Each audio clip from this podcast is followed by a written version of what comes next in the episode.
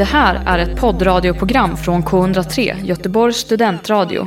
Du hittar oss på k103.se. Av upphovsrättsliga skäl är musiken förkortad. Hej och välkomna till Fotboll kommer hem. Eh, vad blir detta? Det blir första avsnittet och eh, med oss i studion har vi mig. Harry heter jag. Eh, på min vänstra sida i studion har jag Daniel Deverud heter jag. Och på min högra sida har jag Jesper Ahlkrona. Supertrevligt. På länk har vi med oss eh, från Allingsås. Eh, vad heter du? Adam Fröberg heter jag. Trevligt, trevligt. Vad, vad har ni gjort i helgen gubbar? Jag hade ju för första gången på uh, åtminstone sju veckor en väldigt lågintensiv helg. För det första har ju alla varit i karantän, vilket gör att man på sina 19 kvadrat uppe på Masthugget måste sysselsätta sig med någonting. Och om man inte klättrar på väggar så får man alla gå ut och dricka öl. Och det har jag gjort själv. Själv? Eh, Själv. Ja, mer, mer, ge mig mer. Ja, när jag satt ju på uh, Bishops Arms i fredags och tog en öl och läste om uh, filosofer från 1900-talet. Uh, vaknade bakis dagen efter och gjorde precis samma sak en gång till. Mäktiga helgen, karantänhelgen. Otroligt eh, mysigt eller? Lite, Ja, men jag skulle säga att den, eh, utifrån mina förväntningar så eh, infrias de lite mer än den nivån de var innan. Var det mycket så här evolutionära och exist- existentiella Vi ska inte gå in på det. Vi ska inte gå in på det. Kommer helgen upprepas även fast du inte sitter i karantän? Ja, det var inte jag som satt i karantän, det var ju alla andra som gjorde Ja. det. Ehm, Så jag tyckte ändå jag var around and about på Järntorget, men ehm, jag hoppas att jag har någon mer med mig nästa gång, det måste jag ändå säga. Men så som vi känner dig så är det väl ändå lite en helg i din smak. Det är inte så att jag hatar att sitta själv och dricka öl och läsa om detta. Daniel, eh, vad Ja. har du hittat på helgen? Åh, nej, det har varit mycket, kollat mycket fotboll. Eh, sen har jag varit iväg, eh, jag är själv tränare för fotbollslag, så vi hade, vi hade vår sista match, eh, säkrade bronspengen i den serien. Så det var, det får ses som godkänt. Vad är, vad är det för ålder du coachar? Nej, jag coachar ju två lag. Detta var med de yngre. De är pojkar 06 och 14, 14 bast. Eh, så det är kul. De blir jävligt, alltså, de blir jävligt glada liksom, när det går bra såklart. Är bronspoäng bra? Bronspeng, eh, ja, men, ja, men, ja, jo, på pappret det, det är bra. Med den truppen så är jag jävligt nöjd med en bronspeng. Var det en eh, coachseger Eh, eller spelarförlust? Ja, det var en coachseger. Det får jag ge mig själv. Just, Kul. det, just den matchen. Ja. Adam, i, på länk, hur mår du och vad, vad har du gjort i helgen? Jag mår jättebra tack. Jag har kollat mycket fotboll jag också, men framförallt så har jag och eh, min kära sambo fått hem en liten hundvalp som är anledningen till att jag inte är på plats idag. Så det har varit mycket fokus där kan man säga. Har, Gud vad ni, har ni döpt hunden än? Ja, den Eller har heter fått namnet? Phoebe efter karaktären i Vänner. Ja, den heter Phoebe. Inte Ja, Ole? ja. Nej, inte Ole. Framförallt inte på en tik. Tänker jag.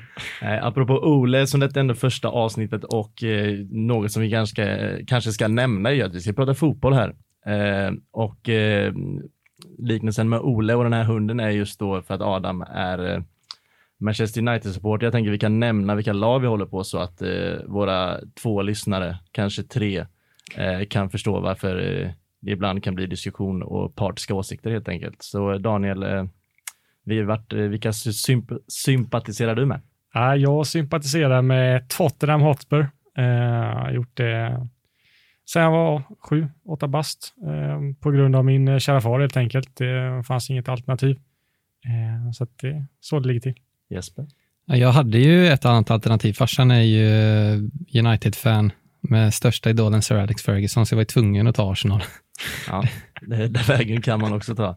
Ja, det är lite ensidigt här i eh, London-studion kan man kalla det. Jag håller också på Arsenal och eh, ja, det är, finns inte så mycket anledning till det. Det var ett lag jag valde när jag var i eh, tidiga tonåren, så jag var lite sen på bollen då. Eh, vad vi kan nämna i den här podden kommer ju även bestå av ännu en grabb eh, som heter Karl, som tyvärr inte kan närvara idag på grund av eh, corona. Eh, killen sitter eh, hemma i karantän och hostar och ska få provsvar här i dagarna, så jag hoppas att han inte är en av de drabbade. Men han håller på Liverpool, så förhoppningsvis kan vi få lite andra tankar eh, i den här podden bortom eh, London. Eh, ska vi, gå, ska vi gå rakt in på vårt första segment eller? Shoot. Tycker jag.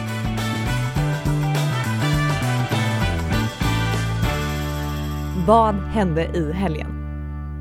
Ja, då går vi vidare. Eh, vi pratar om helgen som varit och eh, vi går väl in på de matcherna vi bryr, bryr oss om allra mest först. Tänker jag. Vi, vi åkte till Liverpool, där var det derby. Eh, det var Everton, eh, ett hett Everton som börjat bra mot Liverpool som har kommit med en del frågetecken, eh, framförallt bakåt efter sju insläppta mot Aston Villa förra veckan. Eh, vad, Daniel, vad, såg du matchen? Jag såg matchen eh, och eh, ja, alltså för att vara en neutral supporter så eh, fan, matchen hade ju hade allt, tycker jag. Alltså det var alltså fin fotboll, det var VAR-situationer, det var röda kort, det var skador, alltså det, alltså det hade ju allt liksom. Eh, jag tycker väl, eh, alltså, Liverpool förtjänar väl mer egentligen.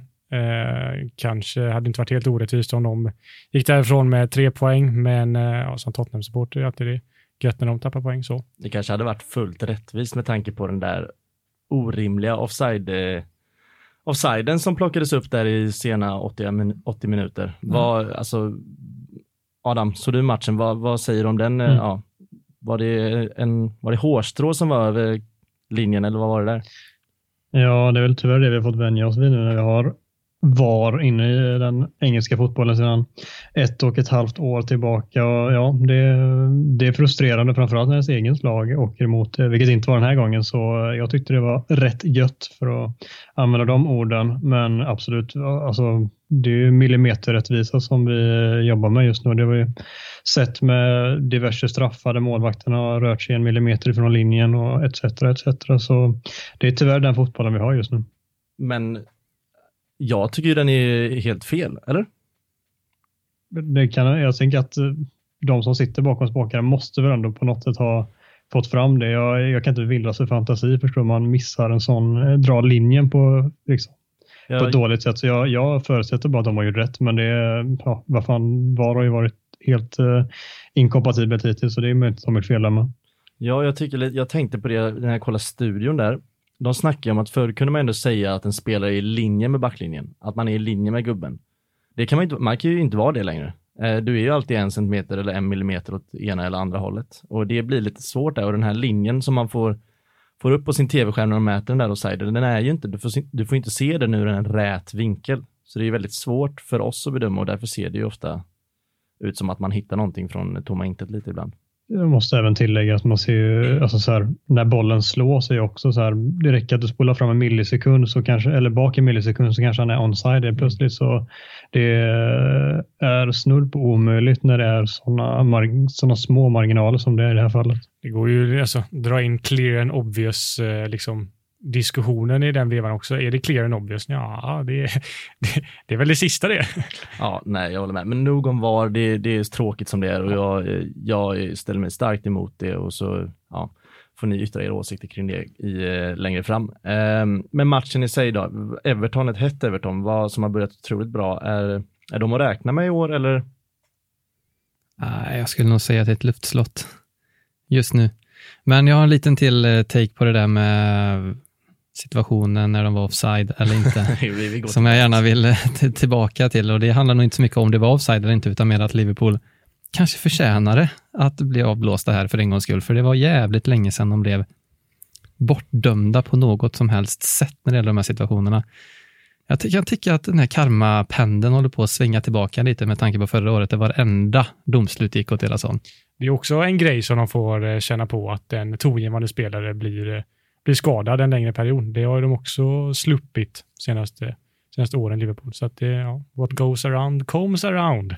Om vi ska runda av den matchen då bara med en snabb fråga här. Kommer Everton topp 6, Daniel? Nej. Jesper? Nej, det kan nog hamna fast här också, att det kommer nog inte ske. Adam? Nej, det gör de inte. Vi går vidare. Eh, vi kan gå in på eh, blir det fyra matchen City-Arsenal? Nej, 18.30 var den va? 18.30. Det är verkligen skitsamma, men en otroligt tråkig match, eller? Jag skulle nog säga att jag har förträngt den matchen härifrån och det är nog ett jävligt tydligt tecken på att den var det var inte så mycket att hänga i julgranen om man säger så, utan det var... Um, vad, vad blev det ens? 1-0. Ja, 1-0. Du hör ju. Mm.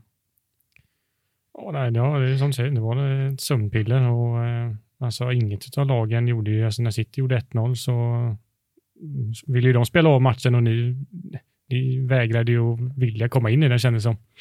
Nej, jag vet inte. Det känns som vi har svårt att eh, hitta det där. Alltså ibland så när man möter ett bättre lag och ligger under så kan man bara chansa lite och bli lite frustrerad och bara slänga in lite skit och bara jobba. Alltså bara försöka vinna matchen på kämpa och glöd. Typ. Det känns inte som vi har den kapaciteten att göra det utan det ska spelas från målvakt. Även fast det är matchminut 89 och det... Ja, men Arsenal vinner inga toppmatcher. Det är det som är grejen. Alltså, de, det är helt omöjligt för Arsenal att vinna mot stora, eller de som är topputmanarna. I en sån här match så ska de egentligen sitta ju i superdålig form. Arsenal kommer med lite medvind i seglarna, egentligen. Och ändå kan man inte bara göra ett statement och gå in och göra två, tre mål som de ska göra den här matchen. Ja, nej, det, alltså det, jag tycker det börjar helt okej, men det, det, det är också så här, senaste tre, fyra åren i ligan vinner vi inte de matcherna, men vi gör ju fan det alltid i kuppen eller? Alltså vi tar oss till semifinaler och finaler, vi vinner FA-cupen, vi möter City, vi möter Liverpool. Alltså det känns som, och det, alltså när det är så, man kan säga att det är, det är svagare trupper som ställs ut på plan, men det har det inte varit alla gånger.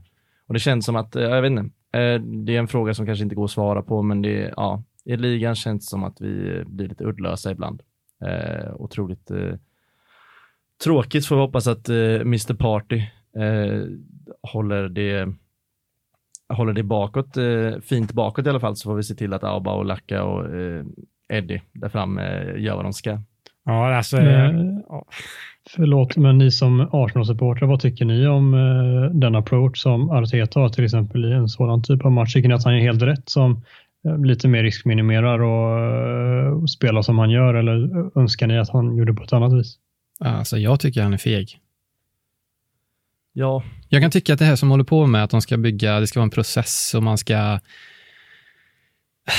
hitta någon typ av eh, recept som kanske betalar av sig inom två år i sådana här matcher som City var tvungna att bygga upp under flera års tid för att sen kunna damma av motståndare. Jag vet inte, jag tror att det kan bli i slutändan kan det vara kontraproduktivt. Jag menar om man kollar på Tottenham just nu som har fått in Mourinho som en vinnare. De kan ändå gå in i toppmatcher. Sen så kanske det är så att de torskar ibland, men de går ändå in och kan damma av någon med fyra, fem bollar för att han är en vinnare och bygger mer en matchplan än att bygga som ett helhetskoncept för matcher. Det är väl det som skillnaden är kan jag tycka. Mm. Ja. Det var ju exakt så som du säger, det var ju det som vi hade första åren med Pochettino, att det var ju det var, alltså, vi var ju inte alls eh, fräcka mot United och Liverpool, alltså, vi hade ju ingenting att komma med, men eh, det betalade av sig ja, fyra år efter typ. Eh, så det beror på hur man ser det. Eh, men äh, åter till äh, City Arsenal. En ljusglimt måste vara Saka. Jag tyckte han var alltså, superduktig. Han var nog bäst på plan. Ja. Utifrån vad man förväntar sig av spelarna var Ja, men exakt. Men kan det vara hans säsong? Ja, det får vi hoppas. Men det är lite tråkigt också för att det, om, det är hans, alltså, om säsongen fortgår som den håller på just nu så är det liksom för att det ska bli hans säsong känns det som de runt om måste prestera så mycket högre. Auba har gjort ett mål, alltså det där det funkar inte. Eh, Lacka ser ju, alltså han ser ju styltig ut och Eddie är ju inte så bra som han kanske målas upp i vissa fall. Eh, så jag vet inte, det känns som att eh, han har absolut potentialen att eh, bli stor, men det är, ja, jag vet inte. Jag börjar, jag börjar bli lite trött, alltså jag börjar bli trött på Arsenal. Det är så här åtta år, det är som vi snackar om process där. Det känns som att det har varit process i Arsenal sen, sen Wenger gick. Det, det har liksom varit samtalsämnet att det här är ett långdraget projekt som till slut kommer minna ut i en titel om kanske, ja nu känns det som 40 år liksom. Jag vill, att det ska, jag vill ha något konkret på att det faktiskt händer någonting snart, att man kan vinna och se bättre ut än motståndarna. Med Wenger såg vi alltid väldigt bra ut, men vi kunde inte avsluta matcher, men vi spelade alltid en fantastisk fotboll, alltså tycker jag faktiskt, i alla fall i allmänhet. Men nu känns det som att det är, ja, det är lite uddlöst. Men vad säger ni, vi släpper Arsenal, eller Adam, hade du något mer att tillägga?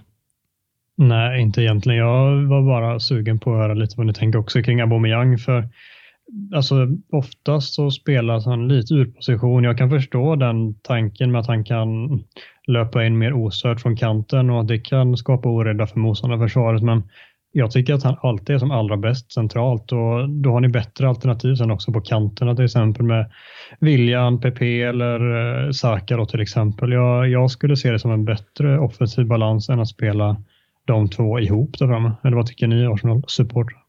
Jag skriver under på det helt. Eh, speciellt så som Lacazette har börjat säsongen så, eh, så känner jag att eh, att sätta Auba på nian positionen och sen ha en Pepe som, alltså han, han är ju en upp och ner spelare, han är väldigt dålig ibland och väldigt bra ibland, men han kan i alla fall avgöra matcher och ge han den speltid han får. Alltså han gjorde ju inte 25 mål och 10 assist under en säsong i ligan för att, för att han inte är någonting. Han har ju någonting eh, och han behöver bara tid. Så ja, nej, jag är med dig. Det ska vara en trio med Saka, Aubameyang och Pepe där fram. Mer än så eh, eller ja, något annat tycker jag är lite smått orimligt. Lacka skulle ju försvunnit i fönstret, men eh, nu blev det inte så. Vi går vidare på eh, United. Du kan få inleda med din egna klubb där Adam. Ni eh, avgjorde i slutet. Ja, det var en märklig match. Det var lite pressat med tanke på hur situationen var eh, innan matchen med tanke på att senaste matchen innan dess var en 1-6 förlust mot Tottenham som var landslagsuppehåll och så kom den matchen och så helt plötsligt så slänger Solskjaer ut ett lag som består av Rashford som anfallare, Mata och Daniel James var sin kant. Så det var inga muntra toner i United-led kan jag inte påstå kring laguttagningen. Och eh, Donny van de Beek var på bänken, Pogba var på bänken. Det var eh, många som höjde på ögonbrynen så kan man säga. Och det är jättemånga så här i efterhand som har hävdat att jo, men vi vann ju med 4-1, men det var ju på grund av att de spelarna som kom in gjorde det bra, inte för att startelvan presterade speciellt bra. Vi var bättre än Newcastle den perioden, men vi var inte så bra som vi borde kunna vara. Och det, när väl 2-1 kommer så eh, har det här laget en tendens att eh, få till en sån där ketchup-effekt ibland. Men eh, det stod väl 1-1 till minut 80 eller någonting och matchen slutade 4-1 va? Har jag fel? Mm. Eh, och eh, är det som du säger, där, Donny van de Beek, är det han som är, eh, är han skillnad där någonstans eller?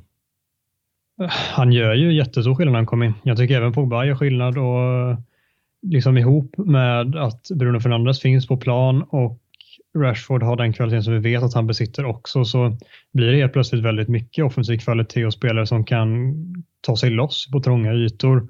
Det är precis det vi gör när vi gör, för mig, ett av de snyggare målen vi gjort på flera år i kontringen som Bruno Fernandes maskar upp i bortre krysset och det är en ganska sval vinkel. Då är det Donny van de Beek som trasslar upp situationen nere på egen planhalva och eh, spelar oss, eh, loss Rashford med hjälp av Mata och så hittar Bruno in bollen i slutändan. Så ja, han är ju en av de liksom, stora bidragande faktorerna till att vi i slutändan vinner matchen så pass komfortabelt resultatmässigt som vi ändå gör. Efter matchen, känner du att det gick du, stängde du av tvn med en positiv inställning på kommande säsong och eh, kommande matcher eller känns det fortfarande, jag vet inte, ni avgjorde på slutet, var det liksom måla 4-1 upp den matchbilden som det egentligen var eller var det, var det en jämn match och borde varit bättre? Eh, jag tycker vi förtjänar att vinna. Det var ingen 4-1 match, men vi förtjänar att vinna. Så det var väl alltid skönt att liksom få studsa tillbaka, som man brukar kalla det, efter en tung insats och eh, ja, med ett par tunga veckor efter den.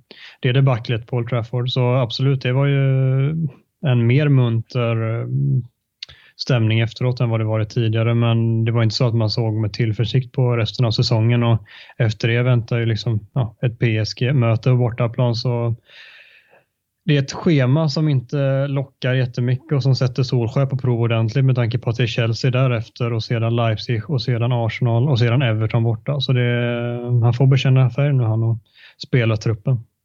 Det får han göra. Vi, vi, vi tar Tottenham snabbt också. Det, det borde ju börjat och lagt absolut mest tid på den kollapsen. Eh, Daniel, du sitter här och eh, hur mår du då? Nej, men eh, det, det är som det Jag jag såg, eh, så här, vi spelar fotboll i eh, 16 minuter exakt. Eh, och det är de första 16 minuterna på matchen. Eh, och sen så försöker vi spela av matchen. Eh, och jag hävdar att det på den här nivån, oavsett, ja visst, alltså, står det 5-0 efter en kvart, ja då det ska det vara omöjligt. Men på den här nivån att spela av matcher i Premier League, oavsett vilket lag du möter, det går inte att göra. Alltså, Liverpool kan göra det, City kan också göra det, övriga lag kan inte göra det. Så att i paus så sa jag, brukar alltid kolla med min eh, farsa på Tottenham-matcher, så jag sa till honom att om vi slutar gå, liksom, fortsätta gå djupled, alltså fortsätta liksom, gå för 4-0, liksom, så vinner vi aldrig den här matchen. Eh, och vi, det gör vi ju inte sen i andra halvlek. Sen så visst, det händer liksom, det är tre baljer liksom i minut 80 och framåt. Visst, det är sjukt, men jag såg, det- jag såg det komma lite, alltså matchbilden var sån. Så att, och jag är van vid att sånt här händer, alltså sånt här händer Tottenham. Eh, Så att jag, det, är- det är lätt för mig att säga nu så här i efterhand, men det var så jag kände under matchen och det var lite så det blev. Känns som du uttrycker din frustration med lite finare ord än vad du egentligen eh, känner kanske. Så är det, men frus- frustrationen ligger nog mest att eh, vi har tagit in en av eh, ligans bättre högerbackar eh, den här sommaren, Matt Doherty, eh, och inte använder honom, utan vi fortsätter att spela med Dacia och det så att vi liksom 11 man, eller vad säger jag, 10 man på plan totalt. För det är, alltså det är den sämsta högerbacken jag någonsin sett. Alltså, han- är så, han är så dålig att som högerback, när man leder, sen ja, 3-2, man är pressade, att ta sådana aggressiva tacklingar i farliga lägen som kan leda till frisparkar, som i sin tur leder till det här 3-3 målet, det är så dåligt. Så att, alltså, han behöver inte gå in i rygg så, alltså, spelaren, jag vet inte vem spelaren är han fäller, men han har ju ryggen, han är ju felvänd. Och han liksom går in i rygg, alltså, ja, jag, är så trött, jag är så trött på det. Men hallå, ni, ni krossar United och er gör ett mål och gör, gör en jättebra match. Är det bara bortglömt eller? Ja, det blir bortglömt för att han gör sådana här matcher liksom efter. Det går inte att ha, han är så jävla upp och ner och mest liksom ner. I sådana här lägen, det, det går inte att göra. Alltså vi gynnas ju av att vi är en man mer mot United och behöver inte försvara så mycket. Eh, och framåt där, absolut, han börjar visa mer klass framåt, men bakåt, det håller inte.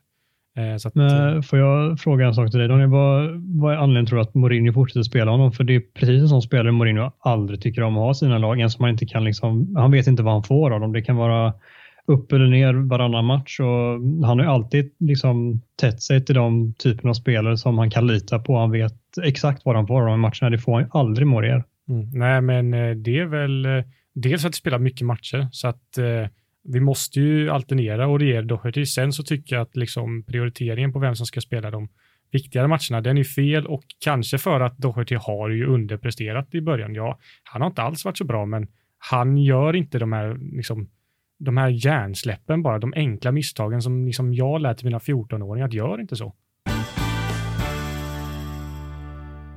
Men du Harry, vi måste väl ändå nämna Lanzinis mål. Vad är det för mål han gör? Ja. Måste vi det verkligen? Alltså, ja, det måste vi. får jag, jag, jag, jag vill uttrycka händer. mig med att det där är en felträff. Den tar ju på en Tottenham-gubbe också. Gör Är, det? är det inte ett Fifa-mål han gör egentligen?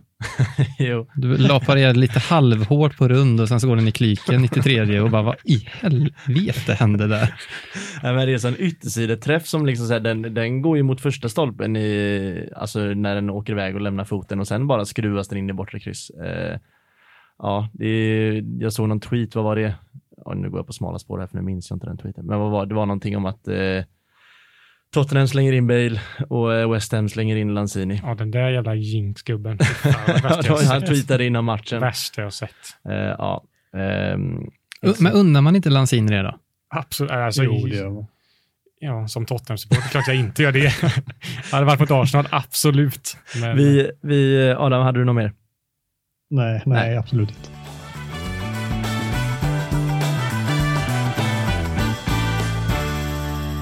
Vad som händer utanför plan stannar inte utanför plan. Efter tacklingar på Thiago och eh, van Dijk eh, så har Everton-spelarna, vilka blir det? Det blir Richarlison och Pickford som har tagit emot flera hotfulla kommentarer på olika sociala medier och detta har lett till en, eh, säger man, polisiär utredning kan man säga så? Ja, rätten. I denna podden kan man säga så. Jag, jag har inget bättre ord faktiskt. Retorikpodden. Nej, men troll på internet har eh, helt enkelt varit så pass hårda och det har varit så mycket hotfulla eh, kommentarer och inlägg på sociala medier så Merseyside-polisen har fått eh, ingripa. Eh, är det, kan det, som vi nämnde lite där i svepet i början, är det inte på tiden att eh, Pickford får lite mordhot? Ja, mordhot kanske är tufft att gå på. Man kan väl eh, sätta några taggar i sidan på honom, men eh, just mordhot kanske, kanske är lite vulgärt att önska vilken annan människa som helst i världen. Men eh, jag vet inte, alla har väl haft någon typ av känsla om att han har nog mobbat en och annan på skolgården när han var ung, eller? Är det bara jag som är inne på det spåret? Nej, du, du, du är väldigt rätt inne. Det finns ju ett fint klipp när han eh, boxas på gatorna i, det är i London han är va? Ingen Ja, det, aning. det Ja, men jag tänker bara på men- hur, alltså hur han ser ut. Ja, jo. Alltså man kan ju se på honom att han var inte Guds bästa barn när han var tio år gammal. Han har nog kastat sten i ett och annat hus och, och sånt där.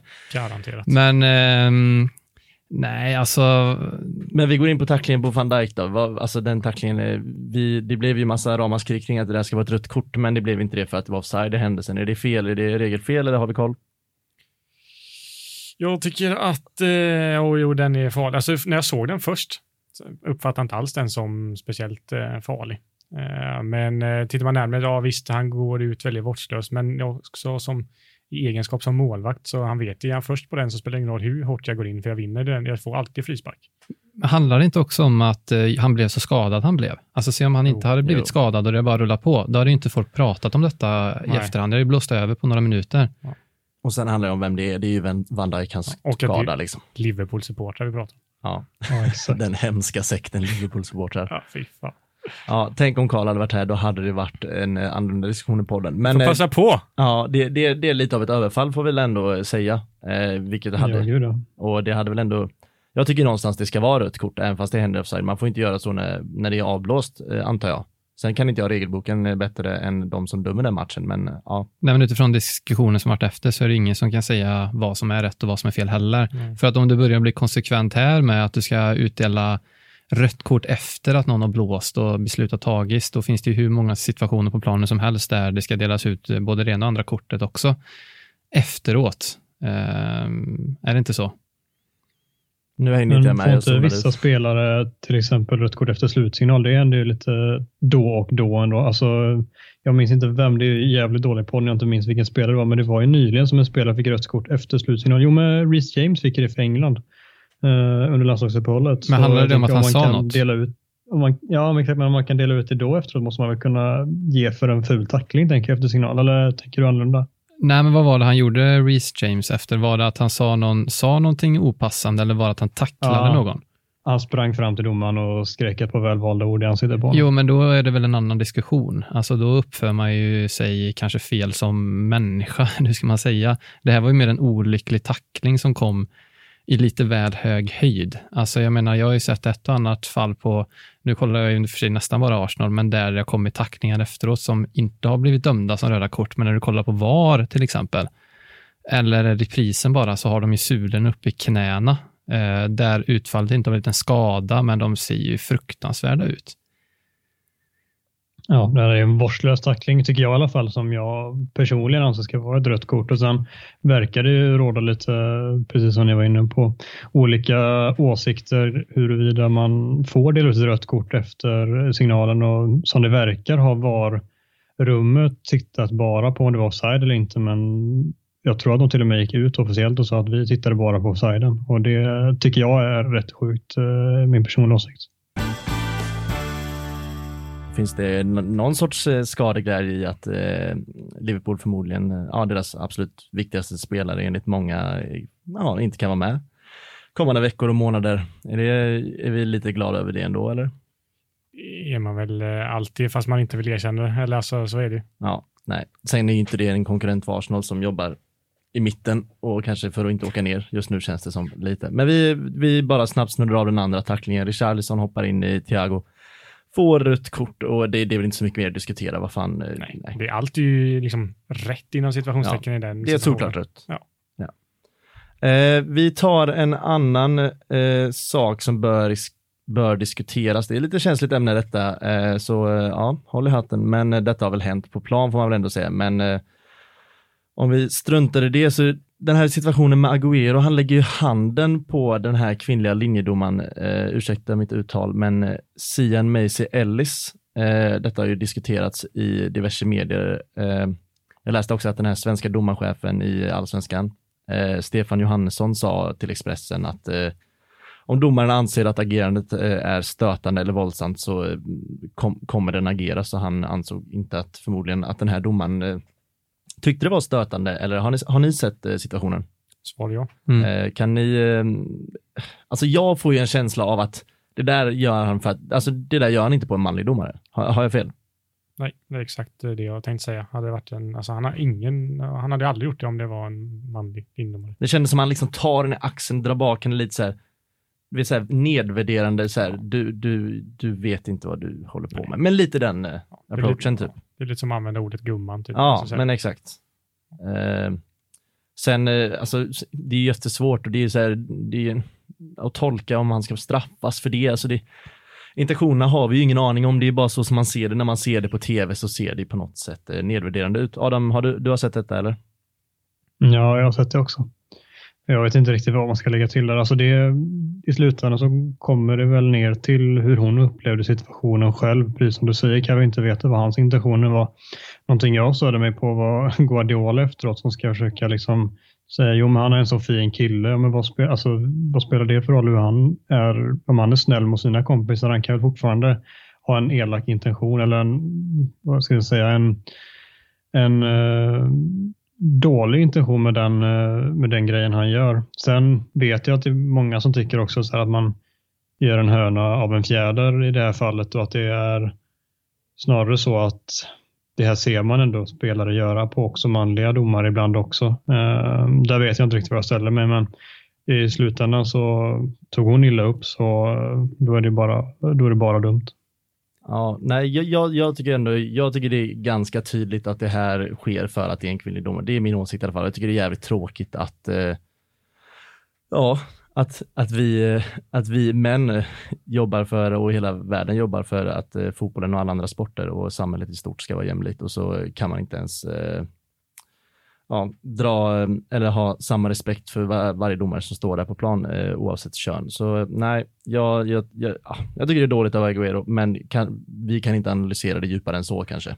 Ja, fast det man Mm, kan eh, ta det vidare, det är väl att eh, det är väl ändå en eh, kanske obekräftad sanning, men att de som spelar fotboll på den här absoluta toppnivån, de är ju skapade från någon typ av fabrik.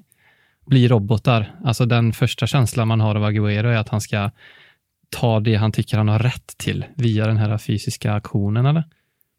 Ja, Det kanske är att dra no- saker för långt, men jag menar, jag skulle aldrig, alltså man får väl inte ens ta på domare idag, då är det väl ett, ett gult kort direkt egentligen, är det inte så? Jo. jo, eh, så, det, så står det i regelboken så som jag har fattat det. Ja, och det är ett inkast, eller vad var det det handlade om?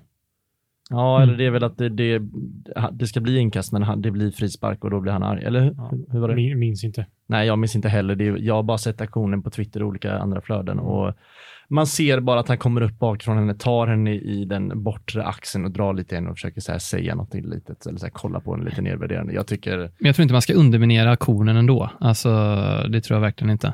nej. Nej, nej, absolut inte. Eh, Där- vikt, viktigt samtalsämne, utan tvekan. Ja, eh, och eh, ja, om vi ska gå in på det en sekund till så känns det lite fotbollsspelare, manliga fotbollsspelare eh, på den höga nivån. Det känns inte som att det är det känns inte som att det är en chock att det är där det händer på något sätt. Nej, men och att Guardiola ska gå ut och försvara, som du sa Adam också, det är ju... Varför? Vad vinner men- han på det? Ja, otroligt Alltså, svagt. att bara säga att ja, det var fel. Ja, Vi, så ska man inte behandla en domare. Eh, för det är väl ändå det, det handlar inte om kvinnlig och manlig här, det är också domare i slutet.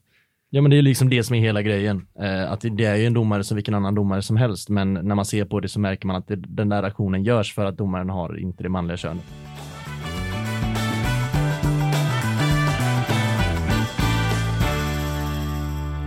FPL. Ja, vi eh, avslutar detta avsnitt med att prata lite Fantasy Premier League. Eh, ett spel vi alla spelar, eh, där vi har en studiokamp, en studioliga, där jag och Karl rycker, Karl som inte är här, men jag tror vi båda hamnar över 90 poäng och jag har ett wildcard-lag, det tror jag inte Karl hade. Eh, inte helt säker, men vi har, ni haltar efter gubbar. Jag tänker att man får någon typ av tidskoefficient här. Hur många timmar ni lägger i veckan får man ju ändå väga upp mot våra poäng kan jag tycka. Ja, men det känns lite som att det är en bortförklaring som inte duger för att vi lägger ner de timmarna och det är så här, lägga ner tid är inget fel i. Nej, men eh, jag lägger ner tid. Jag är nöjd. Jag tycker att eh, ni två tar ett ryck och att ni är så jävla överlägsna. Det tycker jag är en eh, stor överdrift. Jag sitter kvar på wildcard. Jag valde att ta minus åtta och landa på 82 pinnar. Så Ja, men det där eh, är ju bara ett dumt val. Va? Vadå dumt val? Du, kan ju inte ta, du tar ju inte minus åtta när du sitter på ett wildcard. Det är klart, jag har ju kvar mitt wildcard. Oh, det kan Nej. man göra. Ja, Nej, jag köper nej. det. Jag fick 82 Ni pinnar. kommer inte Ni vara i fick, närheten av ni, mig i fick, ni fick åtta pinnar mer än mig. Ja, nej, du, du, du, kommer inte, du kommer inte vara med i slutet om du tänker så. Jag, jag hejar på dig, Ja, Daniel. Nej, Tack. minus undviker man om man har spelat det här spelet och har lite koll. Jag är ledsen eh, Daniel. Åh fy fan, nu sitter vi och tuggar taggtråd! Adam, hur gick det för dig? Det ehm, gick, alltså normalt sett är 65 en så här godkänd omgång, men när man ser på konkurrenterna och de sticker iväg på 90 poäng så känns det inte bra. Jag valde taktiken nu för jag har haft så fruktansvärt svårt att sätta rätt kaptensbindel så jag sa att, eh, ja men precis som många sa efter förra säsongen att fan om man bara hade kört Salah varje omgång så hade man ju fått eh, mer poäng på sin kapten än typ någon annan. Så därför kör jag på Salah nu konsekvent och så får vi se vad det landar i efter tio omgångar kanske. Så ja, han eh, gav mig i alla fall lite poäng men det, det är ju inte jättebra. Jag halkar fortfarande efter liksom. Ja, Kan man få säga sitt genidrag här bara? alltså jag, vet, jag har sett ditt lag Jesper, du har, Shoot. ing, du har inga genidrag. Du så, Jag, jag har två ord. Patrick Bamford. tack för denna, detta avsnitt, tack för att ni kunde vara här. Eh, ni två, tre, fyra som jag sagt innan som lyssnar, tack för att ni lyssnar. Vi hörs nästa vecka. Ha det bra! Hej! Tack och förlåt. Du har hört en poddradioversion av ett program från K103. Alla våra program hittar du på k103.se. Följ oss gärna på Facebook eller på Instagram. Vi hörs!